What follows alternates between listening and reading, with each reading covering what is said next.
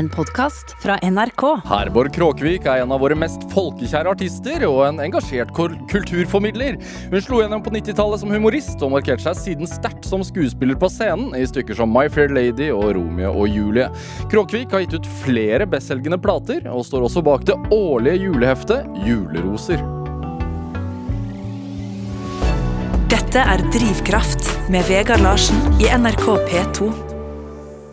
Herborg Kråkevik, velkommen til Drivkraft. Tusen takk. Hvordan har du det? Jeg gleder meg til du skal spørre om det. Det var det jeg. Jeg pleier nemlig herme litt etter deg til familien min, og sånn, så spør jeg de sånn om morgenen hvis jeg har hørt på Drivkraft på telefonen min, så spør jeg sånn Hvordan har du det? um, De tar ikke den referansen. nei, Nei. jo da. Jo da, de hører på Drivkraft, de òg. Eh, jo, takk. Jeg har det litt dobbelt. Ja, På den ene sida har jeg det veldig bra, for det gikk så bra i går. På Oslo konserthus. Ja. Ja. Og jeg bekymrer meg jo veldig for hvordan det skal gå, og det er ganske sånn stort ansvar, dette julerosekveld, for jeg er så mange medvirkende og skal passe på alle samtidig, så jeg skal huske på hva jeg skal si og synge og sånn. Og Du skal være på scenen, men du er også liksom sjefen. På en måte, ja. Ja. Da, men det er veldig deilig. Dette gikk bra, så det er jeg kjempeglad for. Og så er jeg litt redd. For det, det er jeg alltid hvis jeg skal intervjues, eh, men spesielt kanskje her hos deg, for at jeg veit at eh, det er fort å snakke veldig mye om seg sjøl. Ja. Og da kan jeg Det er derfor jeg du er her, da. Jo, På, på et vis. det er vel det, men jeg kan komme til å skamme meg veldig over det, og det kan ta lang tid. Skamme deg? Ja. Hvorfor det? Eh, nei, jeg For eksempel hvis jeg har vært på en fest, Ja. et selskap eller sånn, og jeg har liksom tatt litt mye fokus og fortalt masse fra livet mitt og sånn. Kanskje folk har ledd og hatt det kjekt, men jeg skammer meg og ligger vaken hele natta og tenker Gud, sa du? Nei. Og det kan ta dagevis. Så jeg håper at jeg ikke sier altfor masse så jeg skal skamme meg over i dag. Men du, er, du lever jo av å få oppmerksomhet. Ja, det er, det er et veldig eh, Hva heter det? det?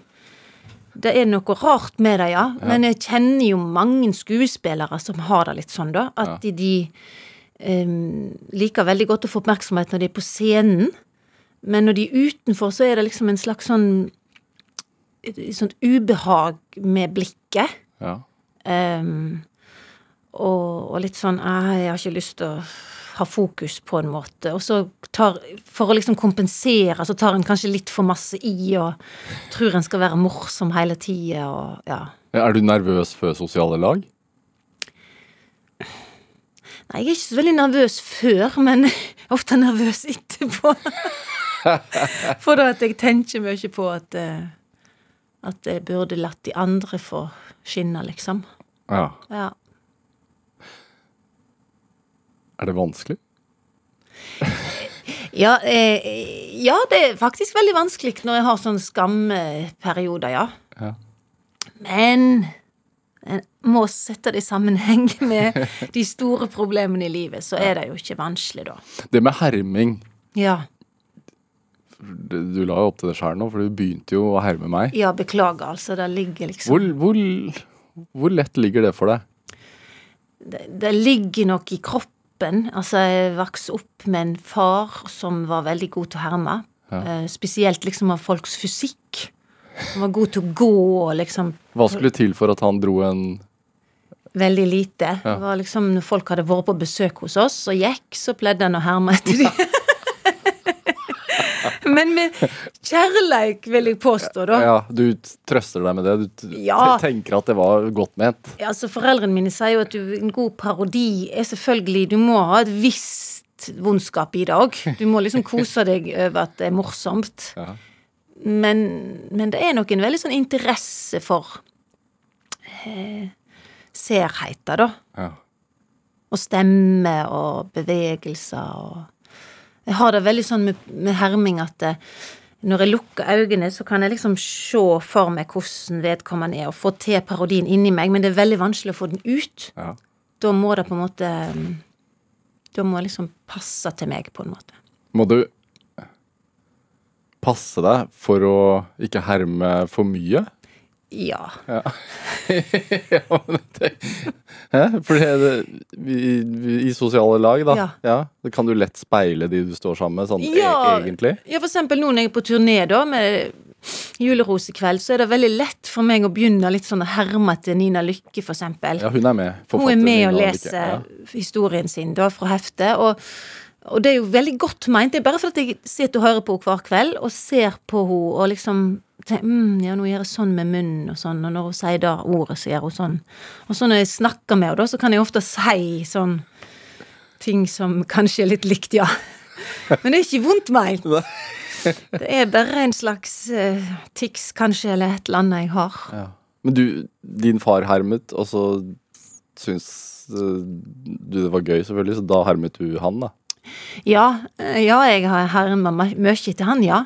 Eh, og eh, ja, det er nok noe som ligger i slekta vår. Ja. Og så var det jo sånn de underholdt seg sjøl, da, oppe i denne Vetledalen i gamle dager. Da forteller jo faren min om at de møttes ofte liksom mennene, da.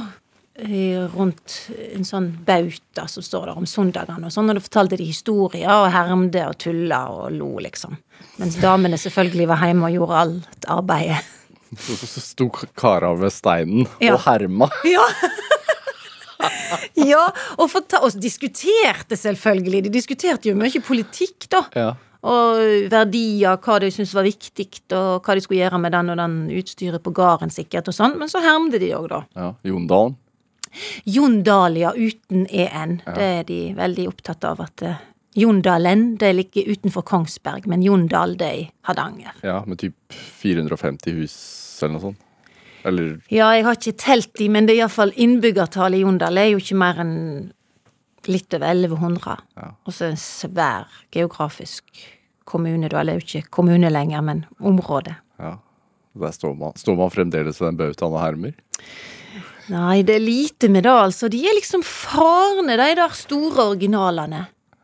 Det er Det er vel det er ikke så mange igjen. Vi blir så like. Jeg tror det er noe med et, Eller jeg er ganske sikker på at det har med at vi ser litt på de samme tingene og hører de samme tingene. Så du får ikke den der De der raringene som kom fra plasser der de fant ut av hvordan ting hang sammen på egen hånd, da. Ja. Prøver du å være en motvekt? Jeg liker iallfall å være litt motvekt, ja. Raring? Raring. ja, jeg prøver ikke å være raring, men er nok, er nok sikkert noen som syns jeg er litt annerledes, ja. Og det ser jeg jo på som et kompliment. Dette er Drivkraft med Vegard Larsen i NRK P2. Og i dag er artist Herborg Kråkvik her hos meg i Drivkraft på NRK P2. Dette med jul. Ja. Du, du gir jo ut julehefte Juleroser. Mm. Eh, nå er du jo på en turné med det. Mm. Gitt ut noen juleplater. Ja. Eh, hvor mange? Jeg har gitt Jeg gav ut Siste plate jeg gav ut på Universal, var ei juleplate. Ja. var nok litt sånn takk for at dere har holdt ut med meg så lenge. Ja. Og så kom jo Julerosealbumet, da, for da at Åtte år siden første gang. Men- Ja. ja. Men albumet kom, for, kom rett før korona. Eh, og det var jo fordi at jeg hadde egentlig Jo, jeg hadde tenkt at det kanskje kunne bli plate en gang, men um, i hvert år i heftet så spør vi en artist eller låtskriver om å skrive en ny julesang. Og så eh, ble det jo mange etter hvert, år, så spurte da Grappa om vi ville lage plate av dette. Og så kom liksom Bergen Filharmoniske Orkester på banen, og da ville jeg jo selvfølgelig da.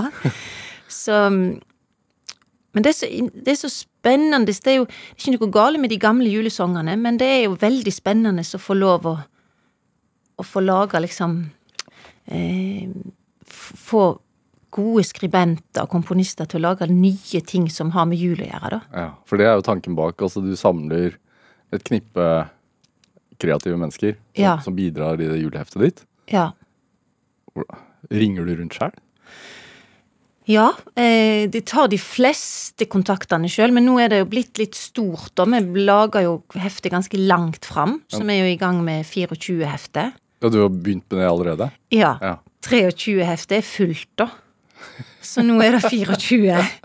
Eh, så jeg har jo en velsigna fin redaksjon, må jeg bare si, som er fire stykker som jobber med dette hele året. Um, men de fleste tar jeg kontakt med, da. Eh, Hva sier du da? For altså, altså, fordi det å skulle produsere noe kreativt rundt jul er jo sikkert Sitter jo litt langt inne for noen, kanskje? Ja, men du vet, det er ikke alt som handler om jul i heftet. Så de trenger Jeg sier jo alltid at eh, de trenger jo ikke skrive om direkte om jul, alle, for da blir det jo litt likt. Ja. Men jeg prøver jo sånn at eksempel de som jeg veit har bruk Altså hvis jeg skal ha bruk for en julefortelling, så prøver jeg å si kunne du tenke deg å skrive den liksom i desember-januar?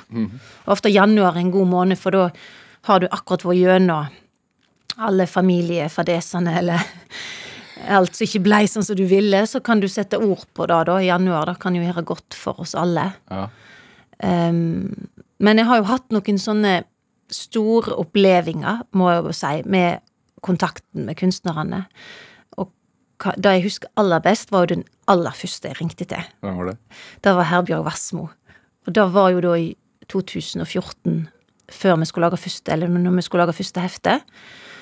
Og så ringte jeg til henne, så hadde jeg jo lest de fleste bøkene hennes.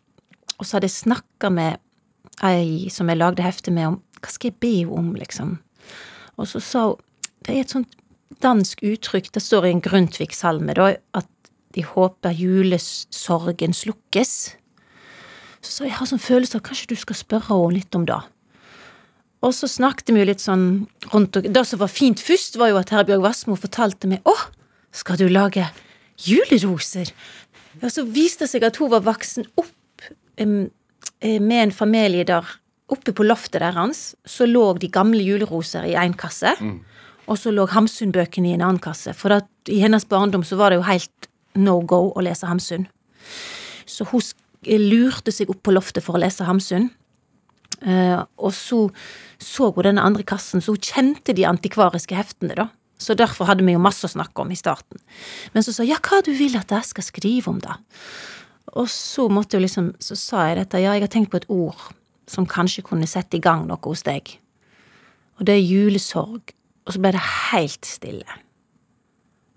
Og så tenkte jeg, ok, der mista du henne. Der, gikk du for langt.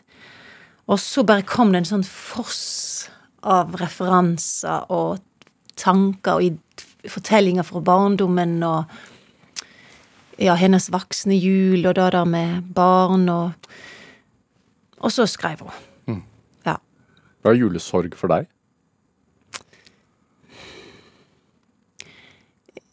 Ja, ju, jul er jo er jo veldig dobbelt. Det er veldig sånn eh, Sant, vi gleder oss til jul, og vi gleder oss liksom det magiske og det vakre og alt sånt, men det ligger jo en sånn veldig melankoli under, da. Både da at ting aldri blir sånn som du håper, og at barndommens tid er forbi, snøen er smelta, det er ikke så vakkert som det en gang var. Og så er det jo veldig sånn påminning om de som ikke er der mer. Så den Det kommer jo liksom mer med tid, da. At uh, Nå er jeg jo så utrolig heldig at jeg har begge foreldrene mine. Og begge svigerforeldrene mine, så det er jo Jeg har ikke mye å klage på på, på den måten. Men, men det er jo alltid noen som er farende med Farne med druse, som en dikter på Vestlandet skrev. Så da tenker en jo mye på med jul. Og så Kanskje det er litt da òg at vi i juli kanskje tillater oss å være litt mer opptatt av alvoret i livet, kanskje. Er det en tanke med heftet ditt? At du vil det? Du vil trigge det? Ja. ja, det vil jeg. Jeg syns i starten så Jo, jeg tenkte nok på det helt fra starten, men jeg merka jo nå når jeg liksom er blitt kjent med mange lesere og sånn, at eh, det er et stort hulrom inni mange mennesker. Og det blir kanskje ekstra synlig rundt jul.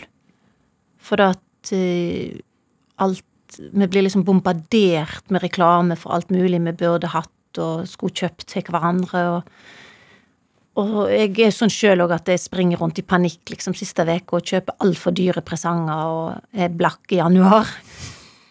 Mm, Og det er jo kjekt å glede folk, men, men det som egentlig betyr noe, er jo de der presangene der noen har tenkt seg om, eller for eksempel å få ei sånn hjemmelaga bok med, med bilde, for eksempel, det er kanskje noe av det fineste en kan få. sant, med Har du fått det?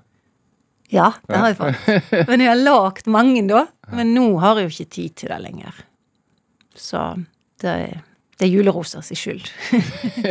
Ja. Nei, men jeg tror Veit ikke, syns ikke du òg, da? At det er noe sånn rundt jul at det er lett å bli litt sånn Var det dette, liksom? Og året går mot slutten, og en gir jo litt opp status, kanskje. Så um, det er da jeg tenker, ja, at det skal være noe å fylle de der stundene med når Uff, når en blir litt tung. Ja, og Temaet for i år er jo kirkeklokker. Ja. Og det er jo også er jo også lyden av en dobbelthet, på en måte. Nettopp. Ja. ja, det er veldig fint at det er kanskje det fineste temaet vi har hatt, syns jeg. Ja. For det er der kirkeklokker kan være så mangt. Hadde dere kirkeklokker i Jondal? Ja. Ja. Og ja, det er litt fascinerende. Så jeg ler jo så mye av å lage disse heftene. Og når jeg skulle sitte og skrive om eh, eh, årets tema, så tok jeg kontakt med en eh, NRK-journalist, han Henning Olstad, som har jo lagd dette Kimer i klokker, eller Kim alle klokker heter det nå, som går på P1 hver jul. Og, um, og snakket med han, og han hjalp meg masse. og Fikk tak i et radioprogram som NRK lagde for mange år siden om eh, kirkeklokkene sin historie og alt sånt. Og der lærte jeg jo da Jeg har nok hørt om det, foreldrene mine har selvfølgelig fortalt meg det, men det har liksom gått vekk. Det er at eh, kirkeklokkene i Jondal da jeg vokste opp, da var de eldste klokkene i bruk i Norge. Helt fram til 1998. Og det er altså en benediktinermunk som kommer opp gjennom Europa og støyper klokker, ler ifra seg og støyper klokker. Og de som da han støypte i Hardanger, da, det var liksom de som varte lengst. Så det er jo litt fascinerende. Som ringte hver eh, søndag? Ringte hver søndag. Ja. Var dere der hver søndag? Ja, jeg pleier å skryte av det, ja, at vi var til kirke hver søndag. Men det er jo ikke helt sant, for at eh, vi delte jo prest med andre kirker, så det har nok vært litt sånn annenhver. Men foreldrene mine gikk til kirke når det var gudstjeneste, ja. Og da måtte vi være med. Hvordan var det? Jeg tror det var litt dobbelt for meg. Jeg tror jeg kjeda meg mye. Jeg hadde alltid litt lørdagsgodt igjen. Så jeg hadde sånn liten Ja. Så jeg satt og koste meg med det. Um, men jeg var visst ganske flink til å sitte i ro, da. Til forskjell fra broren min, som var litt eh, hyperaktiv og krabba rundt. Ja. Um, og jeg, så jeg likte det godt, for det var jo litt teater. Hadde ikke teater i Jondal, så, og hadde aldri sett teater. Så jeg, vi hadde ikke fjernsyn.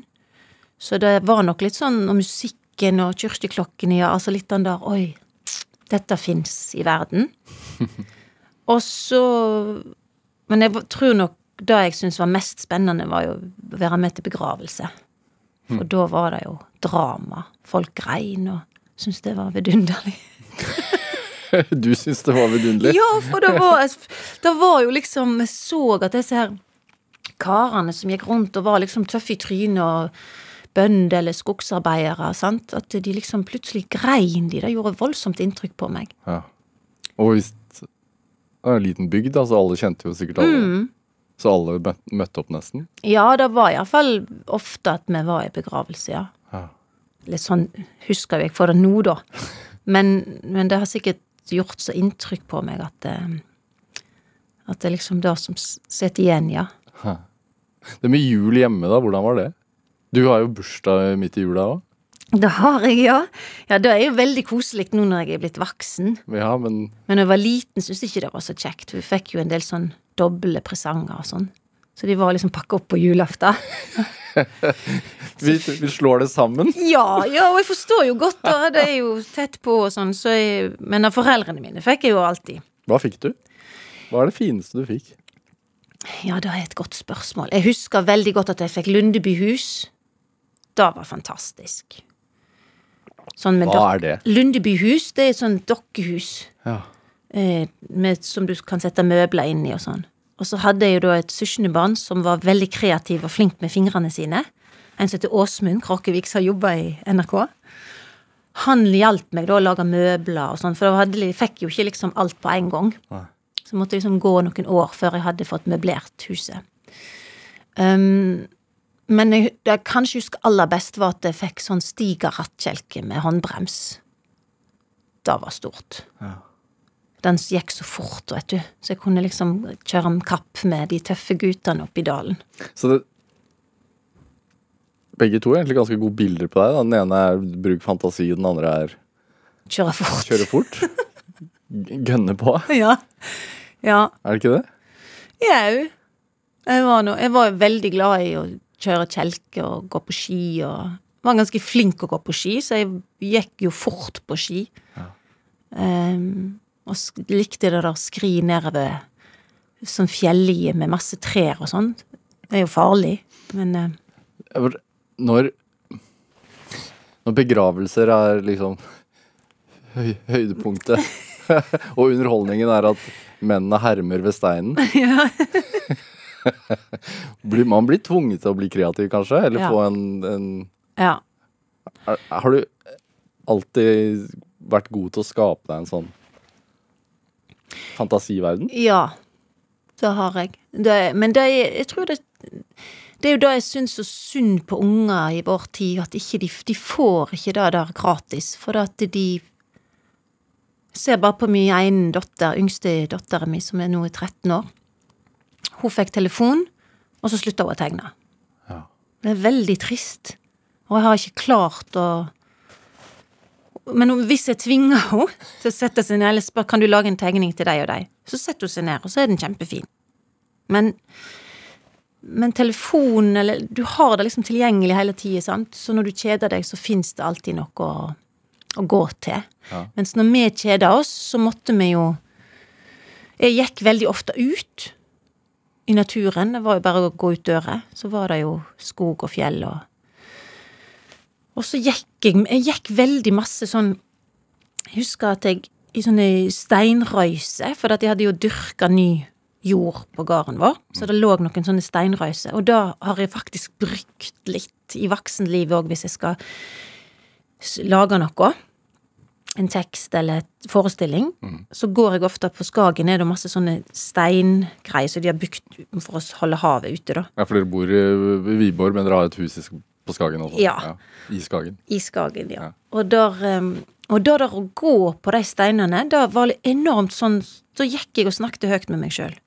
Og det tror jeg har noe med at du må Kroppen må balansere Du må konsentrere deg for å ikke miste balansen. Og da tenkte jeg godt, da. Så da lagde jeg masse drama, filmer, såpeopera, og spilte alle rollene, og de snakket engelsk og Hvor, hvor mange jevnaldrende var det, Jondal?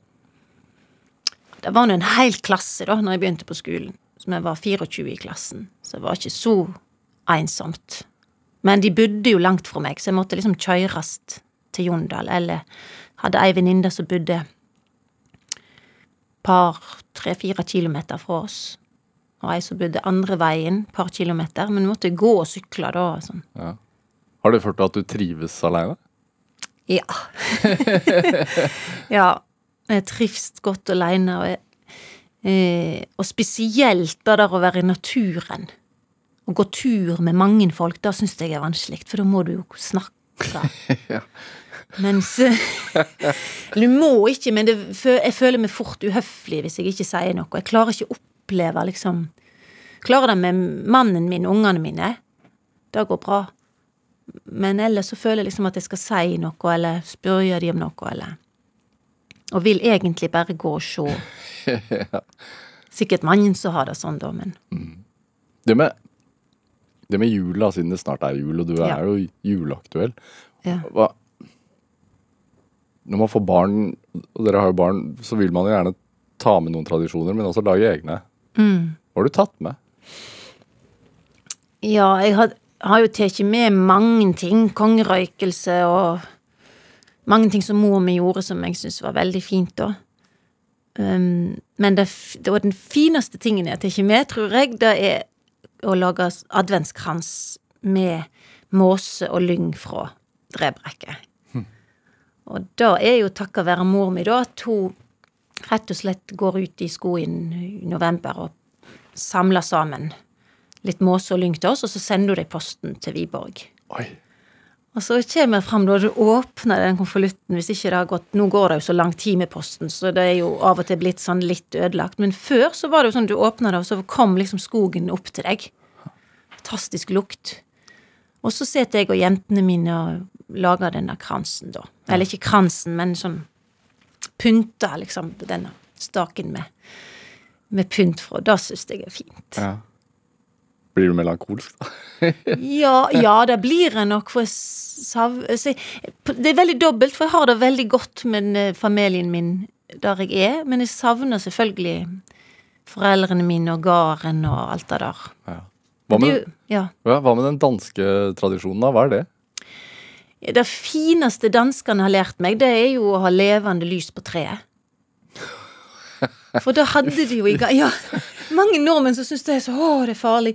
Men du er jo bare å sitte og se på det. Ja. Passe på. Og det gjør jo at du ser juletreet Du ser det på en annen måte. Pluss at en må sette seg ned. Så det er veldig sånn fin eh, Hva heter det? Medita ikke meditasjon, men litt sånn konsentrasjon, kanskje, eller Ja. du ser pynten, og du forstår hvorfor de begynte med juletre, kanskje. At det skulle være noe som minte en om underet, da. Stjerner og alt det der. Så da er kanskje det, det er det jeg er aller mest glad i med dansk jul. Tenner bokstavelig talt tusen julelys? Eller? Ja. Er det Hvor viktig er det? Den derre å Erinner eller den tanken rundt det at man faktisk skal sette seg ned og se på Ja, for meg er det jo veldig viktig. Ja. Men jeg, jeg veit jo at jeg er litt fæl til å liksom tro at når det er viktig for meg, så tror jeg det er viktig for alle andre. Og Det er litt sånn misjonerende i meg, da. Så jeg vil jo helst at, lære alle at de skal ha levende lys på treet, og sette seg ned og Men det er jo fordi det gjør så godt for meg, og jeg ser jo at da der mm, På julaften, for eksempel, så Det er jo mye stress. Og så om kvelden når liksom ting roer seg, så setter vi oss ned da, med den danske familien. Og da får en jo ofte snakke om noen ting òg. Og en må liksom bli der. Um, og når jeg var liten, så Vi hadde jo ikke levende lys på treet, men da hadde vi òg alltid sånn kveldsstund rundt juletreet hele romjula, Og så leser foreldrene våre for oss, da. Hva da? Ja, de leser faktisk veldig ofte fra de gamle juleheftene. Og, mm, og så er det jo noen bøker jeg husker bedre enn andre. De leser for eksempel en fortelling til oss av Åste Holt som heter Fem år på Nuttila.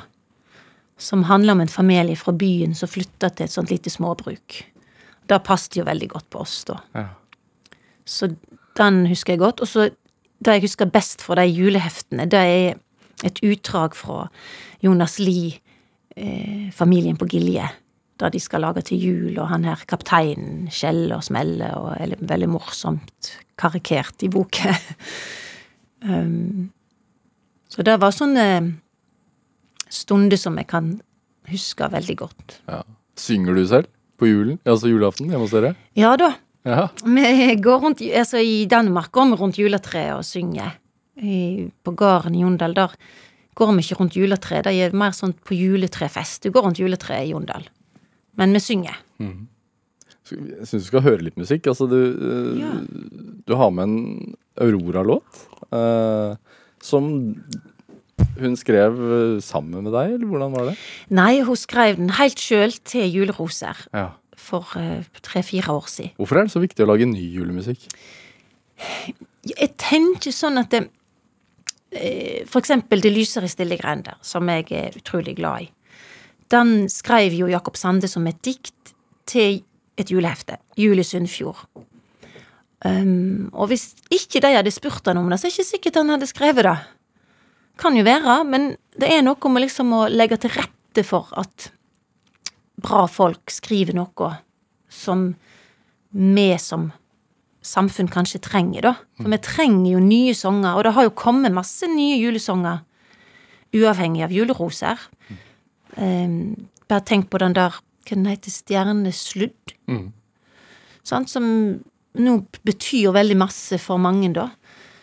Så, men jeg tenker at det er fint å sette det litt i systemet, at det liksom hvert år kommer en ny sang. Hvorfor har du valgt akkurat denne, da? Fordi du har jo gitt ut andre. Ja, jeg tror jeg For først syns jeg den er veldig fin innspilt. Eh, og så er det jo den yngste artisten som har laga julesang til oss. Og Aurora er jo noe helt spesielt. Hun er jo Det er jo som å møte en som har kontakt med en litt annen verden. Eh, så nei, jeg syns den er fin. Det er noe mystisk med den, liksom. Ja. Skal vi høre?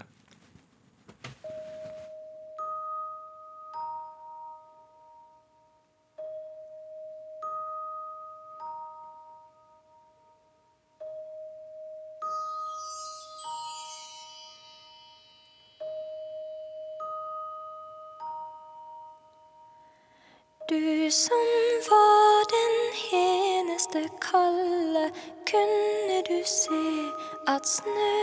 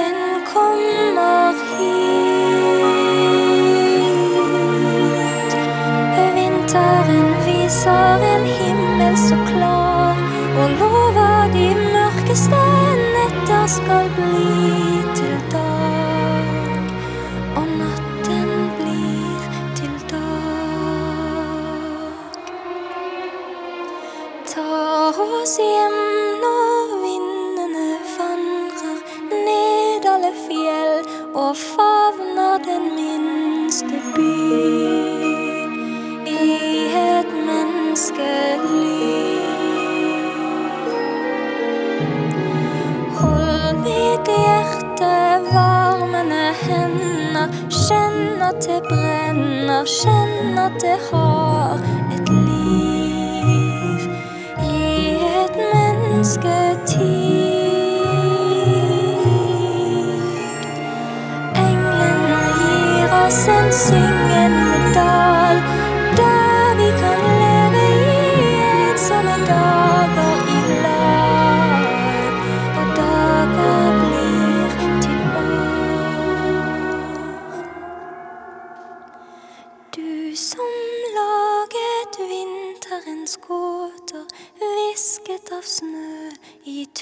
tusen av år før vi lærte livets sang. Bær oss på de sterkeste vinger, styrket av håp, så stiger vi frem fordi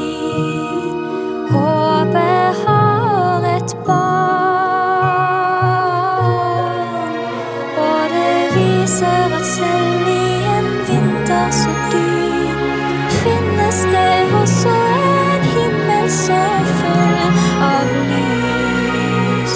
Julen kommer hit, julen kommer hit.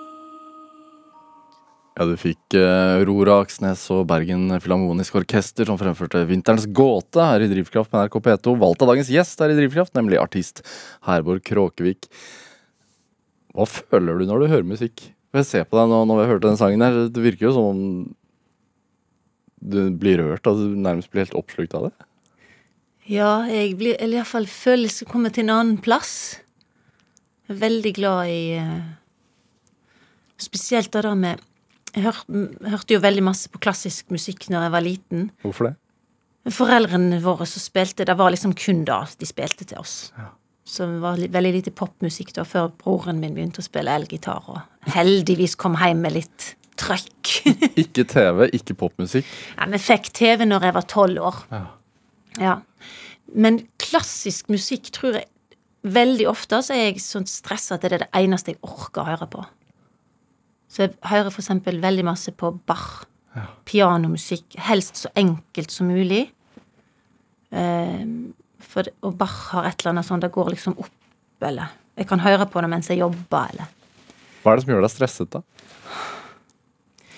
Jeg er veldig dårlig til å organisere livet mitt, rett og slett. Så jeg tenker at ja, jeg skal gjøre det, skal gjøre det, skal gjøre det. Og så har jeg bare den lista, liksom. Og så plutselig er det to timer til jeg skal på scenen med et eller annet, og så har jeg kanskje ikke forberedt det godt nok, og da blir du jo stressa. Så driver med sånn krampeforberedelse da, og kan få gjort utrolig mye på to timer. Men er det fordi at du utsetter, eller? Ja, det er nok da. Det er ikke bevisst, tror jeg. Det er nok veldig sånn har veldig problemer med med tid, og forstå hvor fort du går. Er det? Men, men i forhold til sånn øh, å legge planer og ha liste og sånn, Mm. var det La du det som ung? Altså Hadde du en sånn plan om hvor du ville hen i livet og karrieremessig? Eh, ja, det hadde jeg, men det var ikke sånn lister og sånt. Og nei, da var det det var vidunderlig tid, veit du. Men jeg var veldig klar på hva jeg skulle, ja. Ja. ja. Hva var det som Når? Ja, det, for, det for meg er det helt konkret. Jeg så teater første gang når jeg Jeg vet ikke hvor gammel jeg var. Jeg må ha vært en annen gang mellom 10 og 13 år. Eh, og det var Riksteatret som kom til Jondal. Med Ragnhild Hilt spilte indianerkvinna som var dømt til døden. I den elektriske stol, og dør til slutt. Og, og hun var jo utrolig stor, bra skuespiller. Så jeg så på det. Og jeg hadde jo sett teater på TV og sånn. Men da forsto jeg oi, det fins faktisk noen som gjør det jeg tror jeg skal. Og du, jeg husker jeg sto utenfor gymsalen, og så så jeg det pisseregnet, og så gikk hun over skoleplassen med et sånt sjal over seg. Så tenkte jeg det er sånn jeg skal bli. Hva var det som gjorde at du følte at det, det var retningen? Var, hvorfor ble du så bergtatt? Eh, Nei, men jeg tror jeg hadde vært der lenge, men jeg hadde ikke forstått hva det var jeg liksom balte med. For jeg hadde jo opptredd lenge. Ja. Hjemme? Ja. Sant, opptredde for foreldrene mine, og le, sant, hvis vi var til kirke, så kom jeg hjem, så leste jeg liksom dagens tekst til bestemor mi. Lærte veldig fort utenat, da. Ja. Og så opptredde jeg jo for de berømte sauene. um, så jeg visste nok at det var noe der, det var en drivkraft, sant? Så når jeg så hva som fantes, da, så bestemte jeg meg for at det var det jeg skulle bli, men måtte ikke si det til noen. Hvorfor ikke? Det var nok skammelig at en ville stå på scenen, tror jeg, eller liksom ville ha oppmerksomhet. Ja. Så den, den eh, er fra gammelt av, den skammen. Ja, for jeg tenkte at det er jo veldig egoistisk, for at det er jo veldig kjekt å opptre. og jeg tenkte nok at jeg burde bli noe sånn hjelpearbeider, eller reise ut i verden og hjelpe de fattige, og eller jobbe med barnevern og sånn. Da tenkte jeg lenge at uh, naturvern hadde jeg bestemt meg for på gymnaset at det var da jeg skulle. Men jeg visste jo hele tida at det er ikke noe å gjøre. Det er liksom Får jeg sjansen, så Boff. Ja. Ja. For å, for å få den oppmerksomheten, eller for å hva- Hva er det som gjør at det kriblet sånn? Altså Jeg tror nok det er den lykkefølelsen som jeg alltid har hatt på scenen når jeg spiller teater. Eh, Det er noe veldig annet enn å ha egne konserter og sånn. Da er det liksom hodet mitt som holder på, og liksom teknisk og tenker nå skal jeg gjøre det, jeg skal synge den sangen, skal jeg si det. Mens som spiller teater, så hengir jeg meg helt til den rollen. Er den fremdeles like sterk? Den følelsen? Ja, lykkefølelsen på på teateret er nok da. Ja. Ja, jo, du blir litt mer bekymra med årene, men når jeg først er i en scene og har en motspiller, så glemmer jeg det veldig. Og lever meg veldig inn i verdenen som vi skal formidle, da. Men du dro til England mm. for å studere? Ja. Ja, jeg kom inn på en sånn musikalskole i Guilford, sør for London. Ja. Eh, Så det, var det etter videregående? Ja, jeg tok meg et sånt friår. Ja. Jobba på Rasmus Meyer-samling i Bergen. Vakta bildene der og gikk rundt og drømte. Og så var jeg guide på Baroni Rosendal. Og der møtte jeg jo en del folk som hadde avgjørende betydning, da. For eksempel Richard Herman. som eh, fortalte meg om en del teaterskoler i England, at det var mulig, liksom. Ja. Eh, og så traff jeg Edvard Hoem, som hjalp meg med å finne en tekst jeg kunne gjøre som audition. Og, og så kom jeg jo mirakuløst nok inn. Hadde jeg ikke trodd. så, så fikk jeg ett år der. Men så fikk jeg Det var ikke lov å opptre, så jeg, da begynte jeg å få jobb hjemme, og da klarte jeg ikke å si nei. Var, eh, for det var ca. samtidig der du slo gjennom i offentligheten. Men da Jeg husker jo deg først som ren humorist. Ja, På TV, i hvert fall. Sånn Ja, de TV-opptredenene. Det var nok noe av det første som iallfall ble kjent, og det første jeg gjorde på TV, det er jo litt eh, sånn skjebnesvangert for meg, det var jo på julaften. På et sånt Rune Larsen-program, der jeg og Kenneth Sivertsen sang Silver Bells og Kaldt og mørkt og lite sol, som jo nå, nå er en av de sangene jeg har med i Julerose-turneen. Så da jul lå der, liksom. Ja. Men så var det humor som ble mest kjent av de første årene. Ja, Samarbeidet deres Hvor betydningsfullt var det for deg? Jeg tror det har vært helt sånn grunnleggende for det jeg har drevet med. Ja. For det var så um, Han var så grensesprengende. Det var ikke noe forskjell på Altså, ting var like alvorlig for han om det var humor eller han satt og skrev en symfoni. Så da lærte jeg nok veldig mye av, og fikk nok veldig mot. Fikk jo tillit, liksom. Han sendte meg bare ut på scenen og sa du kan gjøre hva du vil. Jeg var helt sånn i sjokk. Ehm, Tok bort litt av Altså at det ikke var så skummelt, rett og slett? Ja, gjorde nok det. Han var, var jo veldig modig, og, men en ganske gal type òg, da, sant. Så jeg fikk jo Jeg tror nok òg det, har- det har jo prega meg veldig de årene, selvfølgelig. Eh, men jeg, og jeg tror nok det motet kanskje er det viktigste jeg sitter igjen med. Hmm. At, eh, at det vil helst gå bra. Helt til det ikke går bra lenger. Ja. ja. Er det Har du det en, ennå inni deg, sånn den tanken om at ja, ja, det er ikke så farlig, det går bra? Eh, nei, altfor lite. Altfor lite av det. Eh, jeg er veldig god til å For eksempel, jeg tenkte nei, du må ikke si det, men for eksempel i natt så drømte jeg at jeg var på dette programmet, og at det gikk helt Det var helt mareritt. Altså, jeg våkna klokka seks sånn «Åh! Oi, nei, jeg tror jeg må melde avbud. Men det gjør jeg jo ikke. Nei, Da drømte jeg om alt sånn Kom oss aldri på lufta. Har ikke du sånn mareritt om det? Ble aldri ferdig. Det var så masse Kom inn her, så skulle jeg fylle ut masse skjema og svare på masse ting. Og så skulle jeg liksom Det var mange gjester, og du måtte rekke opp hånda for å få svare. Nei, det var fælt. For å være med på et radioprogram. Ja. Og du sto på Oslo konserthus i går foran fullsatt sal. Ja. Ja, ja. Hva var du redd for, da? Jeg er nok redd for at jeg ikke skal være, være god nok. Ikke liksom gjøre det jeg vil gjøre, liksom. At publikum skal gå hjem med en sånn greit nok-følelse. Det er jeg redd for. Men, men den, det må jo være noe som gjør at det er verdt det, det å ha den hva skal man si, eh, Ja. nervøsiteten. Ja, det er jo da å se at de syns at det var mer enn greit nok. Ja. det er, når det skjer, så er det liksom Da glemmer jeg det og tenker at Det er jo sånn som folk sier om fødsler. Når du ser barnet, så glemmer du hvor vondt det gjorde. Eller litt mer alvorlig kanskje da, da. Men det er noe å gi det. Men det med, det med jul og, og eh, juleroser, eh, ditt Eller bo... Ja, det er, nesten en bok. Eh, Er det det med uh, omtanke for andre og at eh, det skal man tenke litt ekstra på i julen. Du har jo vært uh, Frelsesarmé-artist, og, og, og jeg tenker også på tiden din med, med Kenneth Sivertsen. Altså, du har jo vært pårørende til noen som sliter med, med rus.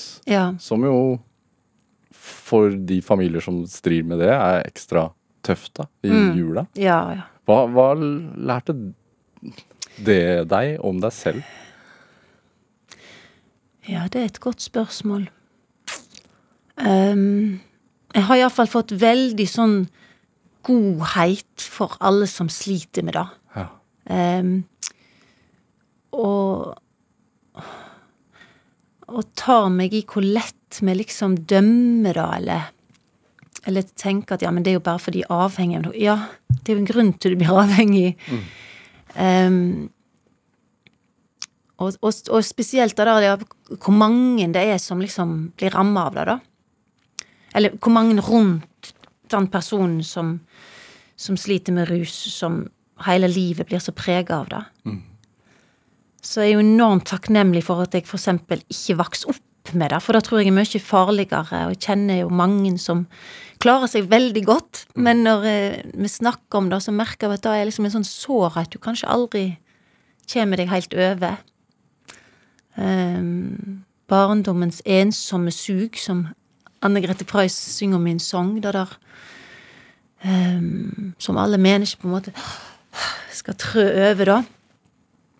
Ehm, men jeg, jeg tror bare jeg har fått veldig sånn eh, Selvfølgelig fått mange dårlige ting med det. Altså Jeg kan jo få helt sånn angst eksempel på scenen hvis jeg merker at noen jeg jobber med, er ustabile. Da, kan jeg, da blir jeg veldig redd for det. Men Men mest har jeg bare blitt veldig sånn glad i mennesker som, som ser det. Så tenker jeg å, lyst til å holde det inntil meg og si det skal nok gå. Er det, er det behov for deg å, å, å hjelpe andre? Ja, men jeg gjør det jo altfor lite. Det er jo Og det er jo òg en av de tingene som blir veldig sterkt med jul. For da bør en jo liksom Jeg tenker på, det fins jo folk, jeg har venninner som inviterer folk hjem på julaften som ikke har noe plass å være. og Det gjør ikke jeg, og det har jeg dårlig samvittighet for. Men det handler om at jeg føler liksom ikke at jeg kan tillate meg det når jeg er vekke hele november, desember, skal komme hjem, og så skal vi òg ha en med oss rundt bordet så ingen kjenner, liksom. Men en burde sikkert gjort det. Ja. Men du har vært eh, engasjert i Redd Barna Plan òg? Ja. Ja, det har jeg òg dårlig samvittighet for, for jeg syns det gjør altfor lite. Men jeg gjorde jo mye i en periode, da. Men for egne barn så er det veldig oppslukende å ha barn, syns jeg. Det er liksom De vinner alltid over resten av verden. Heldigvis, sikkert. Men det er så mange som trenger oss. Er det er det, Hvorfor har dere valgt å bosette dere i Danmark, egentlig? Nei, det er nok litt praktisk. Altså, det er mannen min er dommer. Ja. Så det er veldig vanskelig for han å pendle. Det Han er i retten fire dager i veka. Du får jo danske barn. Nei, ja de, de har vært mest i Danmark, men de har jo bodd eh, Bodde tre år i strekk i Norge, så de snakker jo begge språk flytende. Og har vært veldig masse i Norge. Så um, Og er veldig knytta til naturen, fjell Altså det betyr veldig masse før de har gått til fjells, for eksempel. Så da føler jeg at jeg har lykkes med oppdragelsen. Um, men men det er klart at jeg eh, merker nok at jeg savner liksom den der At hverdagen er på norsk. Ja. Det med altså eh, karrieren altså, Du slo jo gjennom med humor og kabaret. Var det Tenkte du at nei, nå må jeg jakte en, en hva skal man si, i gåseøyne seriøs rolle eh, i et Nei. Nei? Nei. Det første jeg gjorde, var jo veldig seriøst. Det var Haugtussa, en soloforestilling som jeg reiste rundt med i kirke og røykstove og Som du var med å skrive Som jeg lagde helt selv? sjøl. Ja. Ja. Det var det første jeg gjorde, og da hadde jeg bestemt meg for helt fra jeg var liten, og foreldrene mine leser Haugtussa til meg, at hvis jeg får stå på scenen en dag, så er det det jeg skal gjøre først. Ja. Så Så det det kom litt av seg sjøl. Det var jo My Fair Lady som kom, så selv om det er kanskje ikke en sånn voldsomt seriøs rolle, så er det jo Det er en stor rolle. Ja. Ja. Du, det- du trakk fulle hus, og det gikk jo veldig bra. Ja, det gikk veldig bra. eh, så, det krever litt det samme. Det er ikke så veldig stor forskjell på å spille Julie og Eliza. Bortsett fra at når jeg gjorde Eliza, så kunne jeg jo synge, og så ble de glad for det. Mens i Julie så har du liksom ikke noe sang. Em, men nei, det tenkte jeg aldri på, nei. Men tar du med deg hvor, hvor Går du så inn i de rollene at du tar de med deg? Ja, Ja. det gjør jeg. Nå er det Jeg sier jo alltid ja, men nå er det så lenge siden jeg har spilt teater, men jeg spilte jo faktisk teater i august. Spilte Kristin Lavransdatter. Og da Ja, det, har de med, liksom, og tenker på hva ville liksom Hva kan jeg bruke av Akkurat som en av mine store forbilder, Meryl Streep. Hun, har alltid sånn, all, hun har sånn at hver rolle hun gjør, så finner hun en gest med hendene, eller noe sånn hun gjør med håret, eller Men du ser jo at det er hun. Hun gjør alltid noe sånn Uni, uni hver karakter en sånn liten ting? Ja, hun ting. prøver å finne en sånn liten ting som eh, Og det er jo mye viktigere på film. da På teateret skal det liksom Det er så stort og Men du har stjålet det? Jeg prøver å bruke det at jeg finner liksom én ting som Som hjelper meg i å å formidle karakteren, da. Hva ga du Kristin, da? Jeg tror med Kristin så tror jeg jeg eh, jobba mye med mm, regissør Svein Sturla om å finne en slags sånn kraft, noe sånn fysisk. For det er jo sånn voldsom kraft i Kristin. Kjærleiks Altså det der at hun følger liksom På en måte driften sin, da. Så det var veldig mye det å stå fast og bruke magen, rett og slett. At eh, når jeg var sint, eller i liksom møte med Erlend, så var det en slags sånn der At det blir dradd. Så da brukte jeg mye, ja. Når du er deg selv på scenen, da? ja. Jeg prøver å tenke mye på det der med å stå, begge, plante begge bein. Det hjelper når du blir nervøs. Prøve å suge seg fast i gulvet.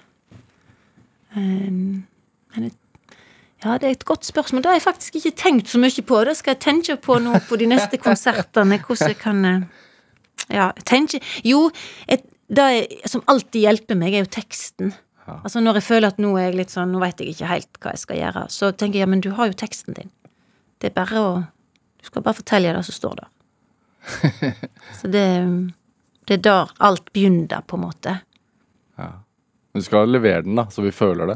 Jo, jo, og der kommer teknikk og alt sånt inn, men det er liksom, hvis du misser ting, så er det liksom Hva er det jeg egentlig står og sier nå? Det hjelper. Er det Er det som tolvåringen håpte på? Både ja og nei. Jo, på teater, eller karrieren min, har jo over all forventning. Hadde jo aldri trodd at jeg skulle få lov å spille Kristin Lavransdatter i en Og- musikal. Og vunnet Spellemann og Ja. Nei, da Så da var liksom bare Det er helt utrolig at det har gått så bra. Men Men jeg angrer nok litt på at jeg har spredd meg så masse. Jeg savner litt av det der eh, De som liksom har vært flinke til å bli god til én ting.